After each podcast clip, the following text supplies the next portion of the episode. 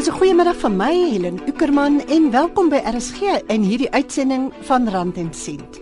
Ons saai vandag die voorlaaste episode van ons reeks oor die Departement van Handel en Nywerheid uit en ons gaan kyk na wat koöperatiewe is, die registrasievereistes vir koöperatiewe, die bystandstrukture wat beskikbaar is, finansiëel en nie finansiëel, en die voordele vir koöperatiewe op nasionale vlak en vir 'n individu. Ons ateljeegas is Elise Kokemoer en sy is die direkteur koöperasiebeleid, wetgewing en strategie van die Nasionale Departement van Kleinsake Ontwikkeling. Elise, baie welkom in die Rand en Sent ateljee. Uh, baie dankie Helen. Dit is vir my 'n voorreg om vandag deel te wees van hierdie uitsending van Rand en Sent op RSG en dan ook die geleentheid om luisteraars meer te vertel van eh, koöperasies of koöperatiewe soos ek hoor jy dit noem en die besigheidsmodel wat dit bied en die voordele wat dit inhou verlede van wat so 'n koöperasie dan. Elise, vertel nou eers vir ons. Hoe hou die nasionale departement van kleinsakeontwikkeling dan nou verband met die departement van handel en nywerheid? Helen met die stigting van die departement van kleinsake ontwikkeling is daar sekere funksies wat oorgeskryf is van die departement van handel en nywerheid na die departement van kleinsake ontwikkeling. Een van hierdie funksies is dan koöperatiewe.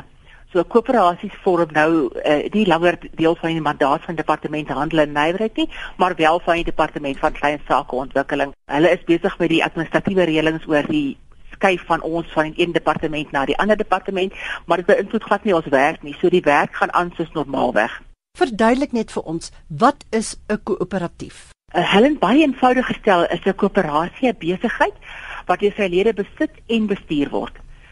As ons dan kyk na die internasionale definisie vir koöperasies en dit hierdie definisie word dan ook so omskryf in die Suid-Afrikaanse wetgewing vir koöperasies. Is 'n koöperasie 'n onafhanklike assosiasie van persone wat vrywillig daartoe verbind is om hulle gemeenskaplike ekonomiese, sosiale en kulturele behoeftes en aspirasies te bereik deur middel van 'n onderneming wat hulle gesamentlik besit en demokraties bestuur op grond van die sewe beginsels van koöperasies. Uh, dit is ook belangrik dat ons hierdie sewe beginsels van koöperasies verstaan, want dit is basies wat 'n koöperasie anders maak as 'n gewone maatskappy. Hierdie beginsels is internasionale beginsels. Dis nie beginsels wat ons in Suid-Afrika bespreek dat dit is wat 'n koöperasie bepaal nie. Dit is internasionaal aanvaarde beginsels vir koöperasie. Die eerste beginsel is dat lidmaatskap vrywillig moet wees en oop moet wees vir lede wat voldoen aan die vereistes soos gestel in die konstitusie van daai koöperasie. Ja. Tweedens is dat die koöperasie demokraties bestuur moet word. Hier gaan dit nie net oor stemreg alleen nie. Dit gaan dan ook dat lede aktief moet deelneem in die stel van die doelwitte en die kies van die direkteure wat dan op die direksie van die koöperasie dien. Dit gaan dan ook derdens dat lede ekonomies moet bydra tot die koöperasie en die ekonomies aktief ook dan moet deelneem binne die koöperasie. Die vierde beginsel is dan dat uh, koöperasies onafhanklik en selfbesturend moet wees. Die vyfde beginsel is dat koöperasies opleiding moet gee aan hulle lede, aan hulle direkteure, personeel en dan ook verseker dat inligting van die koöperasie beskikbaar is tot alle lede van die koöperasie. Die sesde plek bevorder koöperasie samewerking tussen koöperasies. Dit is daar op nasionale vlak tussen koöperasies en ook internasionaal op uh, dit is tussen koöperasies. Dit is kom baie koöperasies dan ook lid is van die internasionale koöperasievereniging, algemeen bekend as die International Cooperative Alliance wat ICA algemeen bekend staan. Mhm. Mm die laaste doelwit is dat uh, koöperasies omgee vir die gemeenskap en die omgewing waarin hulle dan nou opereer.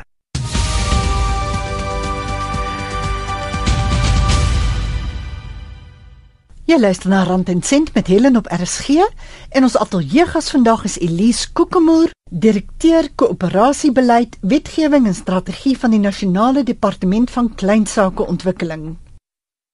Jy weet met my navorsing vir die program het ek nou opgelet dat een van ons groot banke, Absa, sy wortels het in 'n spaar- en kredietkoöperatief. Toe Volkskas in 1943 gestig is, Toe was dit as 'n koöperatief met as mikpunt om verarmde Afrikaners te help spaar en toegang tot krediet te gee. Toe het Volkskas natuurlik ontwikkel tot een van Suid-Afrika se voorste banke en deesdae is dit deel van Absa, maar as 'n koöperatief nou nog nie so oud en gefestig is nie. Wat keer dat die mense van so 'n uh, spaar- en kredietkoöperatief byvoorbeeld met mense se spaargeld wegloop? Hoe word die koöperasie bedryf gereguleer? Uh hulle koöperasies skep selfhelpgeleenthede aan hulle lede. Dit is regtig die die hart van 'n koöperasie. Lede met die gemeenskaplike behoeftes of gemeenskaplike uh, verband werk saam om hulle gemeenskaplike behoeftes of dit wat dan nou ekonomies, sosiaal of kultureel kan wees, te bevredig. En Volksgewys is 'n baie goeie voorbeeld van hoe koöperasies gestig is om in die finansiële uh, behoeftes van hulle lede te, vol, uh, te voldoen. Dit is dan ook waarom die regering soveel klem lê op die belangrikheid van koöperasies as besigheidsmodel wat 'n belangrike bydrae kan lewer tot die ekonomiese ontwikkeling veral in ons landelike omgewings en die skep van werksgeleenthede. Om te kom by jou vraag, wat keer mense wat die koöperasie bestuur om met my spaargeld weg te loop en hoe word 'n koöperasie gereguleer? Finansiële koöperasies is iewat anders as die ander soorte koöperasies wat 'n mens kry. Finansiële koöperasies moet afgesien van die koöperasiewet ook voldoen aan die vereistes van die banke vrystellingswet kennisgewing nommer 404 van 2012. Ook die koöperasiebankwet van 2007 soos gewysig in 2013 en die nasionale kredietwet van 2005.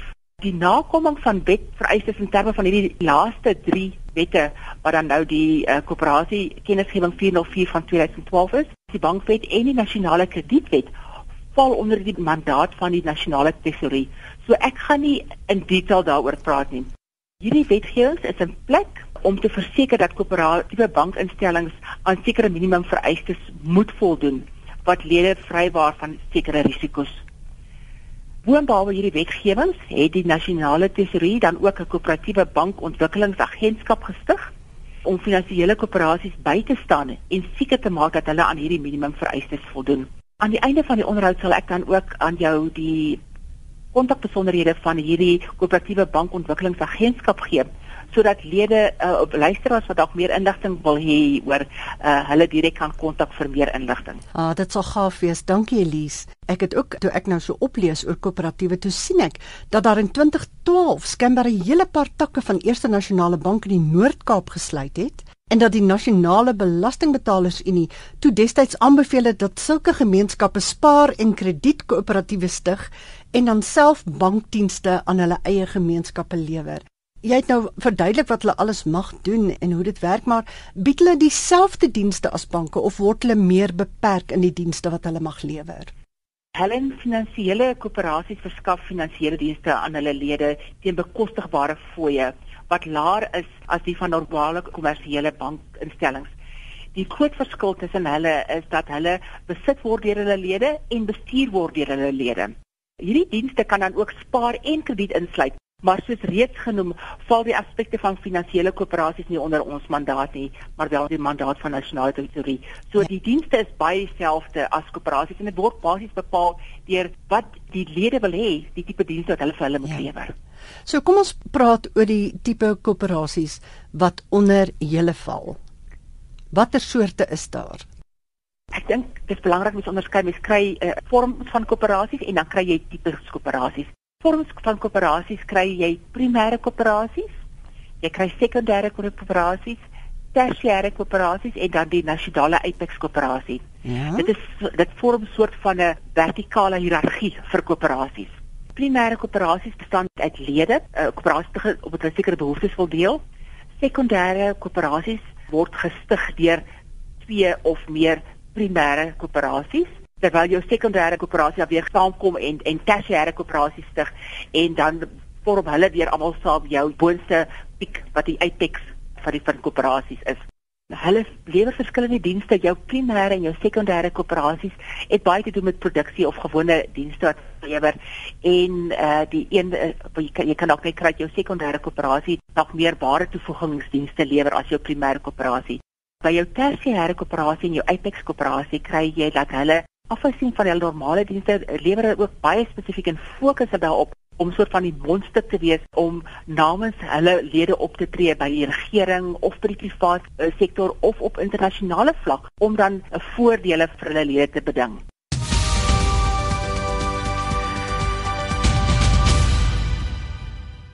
Dit was dan nou die forme van koöperasies. Kom ons praat oor die tipes koöperasie asseblief Elise. As ons kyk na die tipe koöperasies wat 'n mens kry, dan moet ons kyk na die redes waarom mense koöperasies vorm. Daar is twee groot kategorieë of groepe wat mens kom mense koöperasies uh, vorm. Die eerste is mense vorm koöperasies met 'n werksgeleenthede wil hê. So in daai tipe koöperasies noem ons dan werkerskoöperasies. Die tweede rede hoekom mense koöperasies vorm is omdat hulle wil voordeel trek uit gedeelde dienste. En daar kan 'n dit 'n verskeidenheid van soorte koöperasies wees koöperasies wat dan landboudienste lewer sal dan byvoorbeeld landboukoöperasies wees. Uh koöperasies wat sosiale dienste lewer sal sosiale koöperasies wees. Dan kry jy jou finansiële koöperasies wat finansiële dienste lewer en so kan mens aangaan. Jy kan afbreek redelik tot op die vlak wat die lede stel wat hulle behoeftes is. Dit is gewoonlik in sektore waarin dit dan kan val.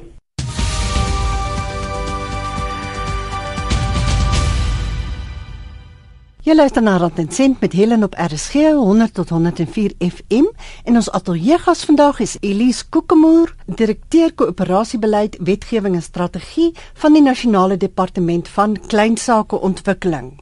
Jy kan hierdie program aflaai in MP3 formaat van RSG se webtuiste rsg.co.za as jy dalk weer 'n slag wil luister. Elise, kom ons gesels verder. Om watter rede sou 'n mens 'n koöperatief wou begin of bedryf? Jy het nou nog gesê dis mense wat wil werk skep. Watter ander redes is daar? Ja, mense vorm koöperasies omdat hulle 'n uh, eh, gesamentlike behoeftes het of gedeelde belangstellings het en om dan ook die effektiwiteit van hulle onderneming te verbeter. 'n Goeie voorbeeld is 'n landboukoöperasie.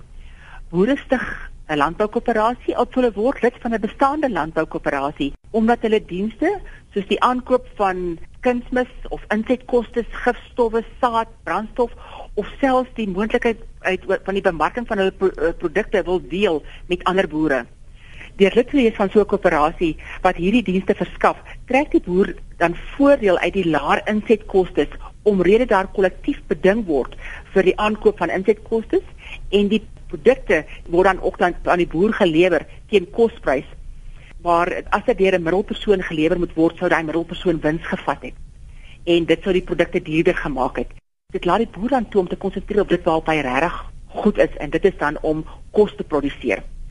Terwyl die koöperasie dan professionele bestuurders aanstel om die aankope en die verspreiding van die produkte te hanteer. Dit is weer areas waarop hulle spesialiste is.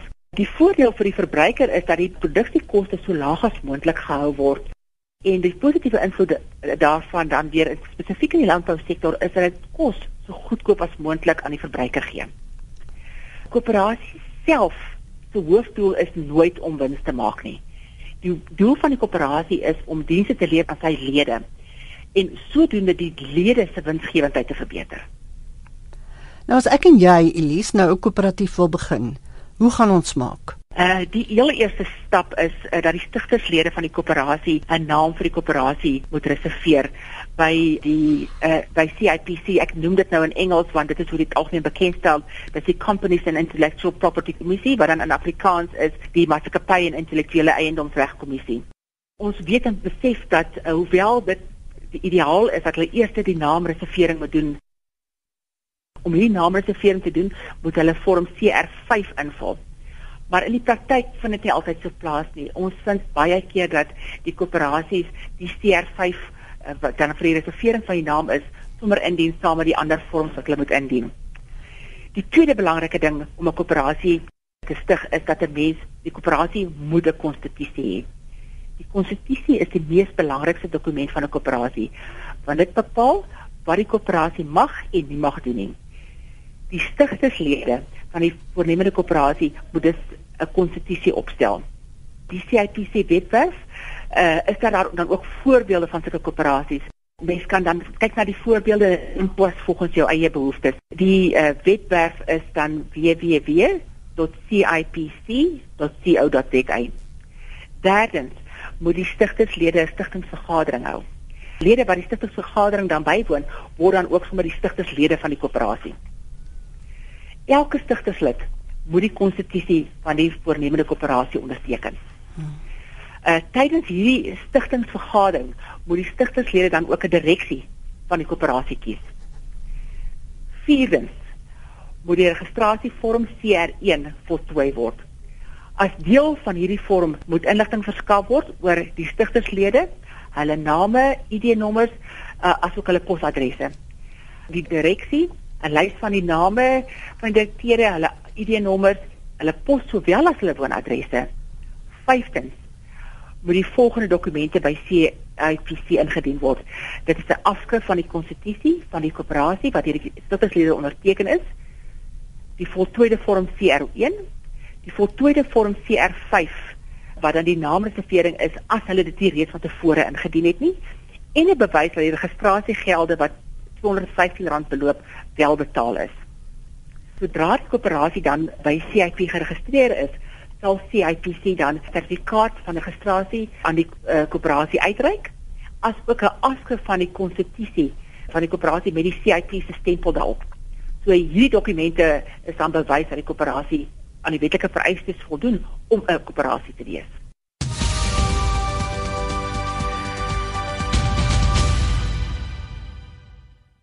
Jy is nog by Rand en Sent op RSG en dis natuurlik op 100 tot 104 FM. Dit is nou tyd vir Helen se geldwenk.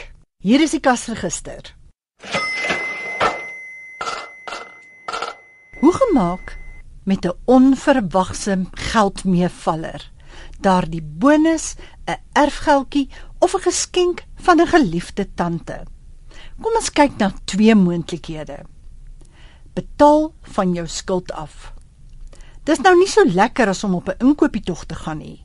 Maar jy gaan rente spaar en jou skuld vinniger aflos en voor jy weet, is jou beursie sommer weer lekker dik. Die ander opsie is verbeter jou huis. Jou meevaller is dalk net genoeg vir daardie ekstra kas in jou kombuis, daardie watervalletjie vir jou tuin of daardie lelike mat wat jy lankal wou vervang. Huisverbeterings voeg waarde tot jou eiendom terwyl jy dit ook kan geniet. Dink voor jy bestee. Anders is jy dalk net jou eie grootste vyand.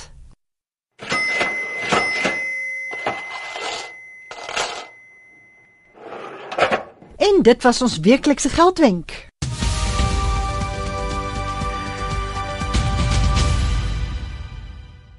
Ons gesels nou verder met Elise Kokemoer, direkteur koöperasiebeleid, wetgewing en strategie van die Nasionale Departement van Kleinsakeontwikkeling en ons praat oor koöperasies. Elise, terug na jou. Kan 'n mens enige koöperatief gaan registreer of is daar ook idees vir koöperatiewe wat glad nie geskik is nie en wat nie goedgekeur gaan word nie? Mens kan feitelik enige tipe koöperasie stig Dit is verskriklik belangrik dat jy seker maak dat die naam van jou koöperasie nie misleidend is nie en dat dit in lyn is met die doelwitte van die koöperasie soos bepaal in die konstitusie van die koöperasie. Die naam van 'n koöperasie kan byvoorbeeld nie wees Tahung Landboukoöperasie, maar die doelwitte van die koöperasie soos gestipuleer in die konstitusie is dat dit dit die ver, gaan oor die verwerking van ystererts nie. So dit moet in lyn wees en dit moet nie verwarrend wees nie.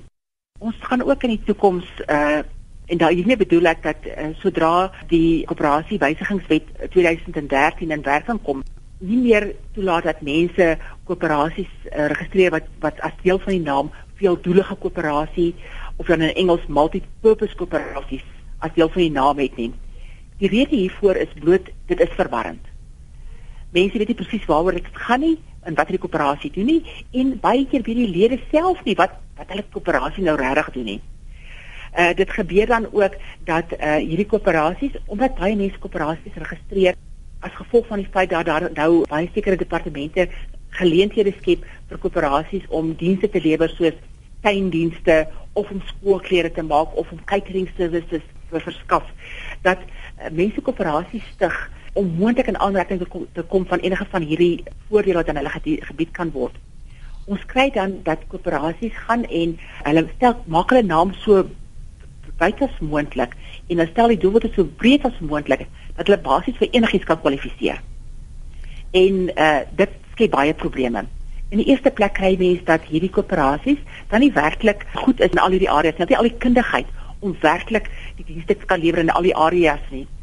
Maar omdat hulle so desperaat is om werksgeleenthede te kry, dat hulle dan wel tog aan die einde van die dag gaan en hierdie aanvaar dat hulle hierdie sou kan doen en mens kry dan dat die dienste noodwendig so goed is wat gelewer word nie. So met ander woorde dis amper 'n vorm van kwaliteitsbeheer wat jy dan toepas. ja, dit dit is om daarmee te help en dan ook dan kry jy dat hierdie mense basies al die al die geleenthede wat geskep word raap hulle op en jy kry dat ander koöperasies wat wel spesialiseer in spesifieke uh, dienste wat hulle lewer, nie geleenthede kry nie. Baie van die koöperasies is nie suksesvol nie. Wat is die redes daarvoor? Wat is die foute wat mense begaan?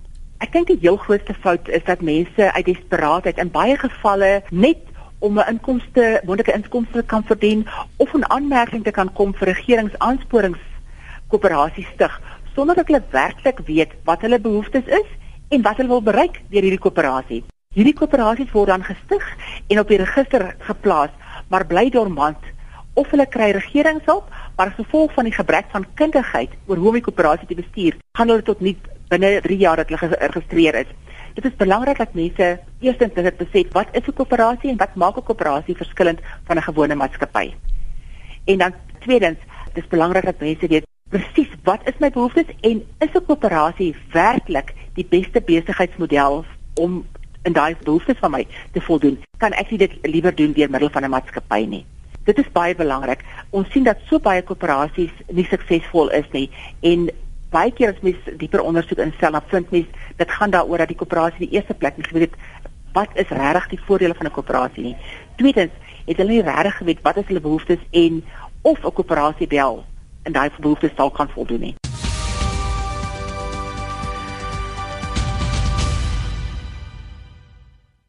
Jy luister na Rand en Sent met Helen op RSG. As jy met my wil kontak maak per e-pos, stuur dit asseblief na helen.ueck@gmail.com en natuurlik kan jy ook saamgesels deur 'n SMS te stuur na ons ateljeelyn 33343. R1.50 per SMS en gratis SMS se tel nie. Ons gesels nou verder met Elise Kokemoer, direkteur koöperasiebeleid, wetgewing en strategie van die Nasionale Departement van Kleinsaake Ontwikkeling. Elise het nou net verwys na regeringshulp. En mens kan natuurlik daar by julle kom aansoek doen om finansiële bystand vir 'n koöperasie. Hoe doen 'n mens dit en wat moet jy alles in ag neem?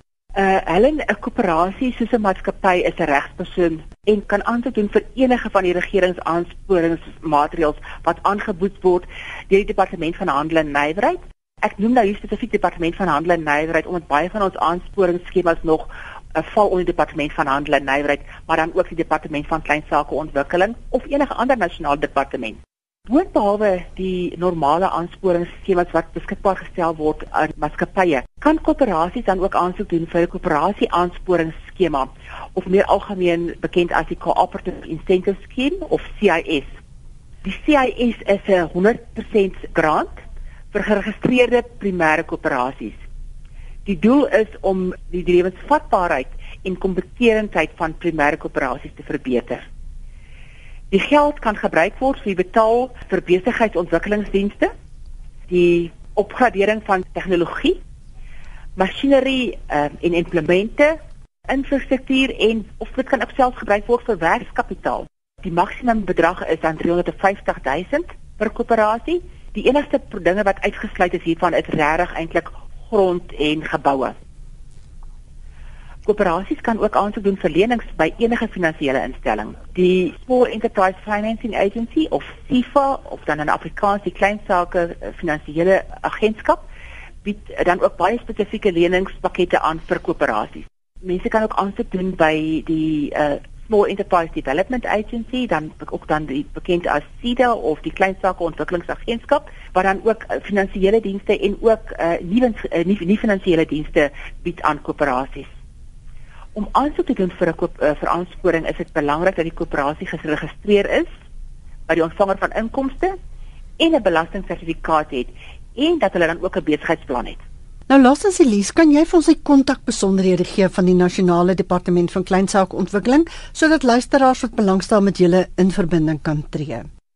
Vir die departement van uh, Kleinsaake Ontwikkeling is dit uh, uh, www.dsbd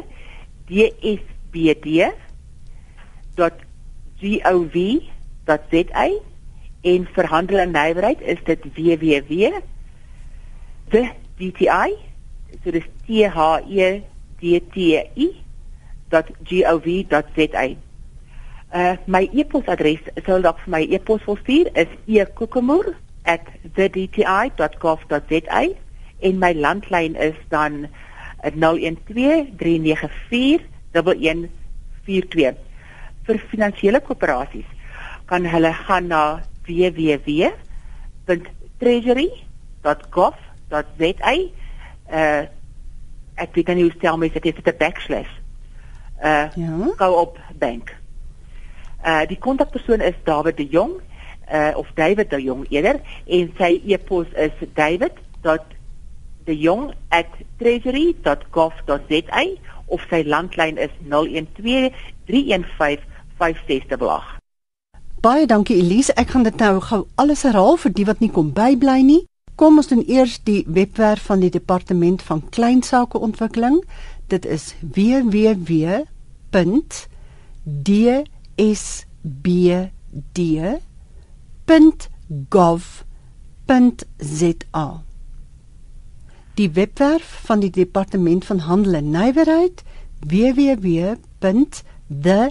www.rsg.gov.za. As jy vir Elise wil kontak per e-pos, dit is e-koekemoer by the.dti.gov.za of jy kan haar bel 012 394 1142 0123941142.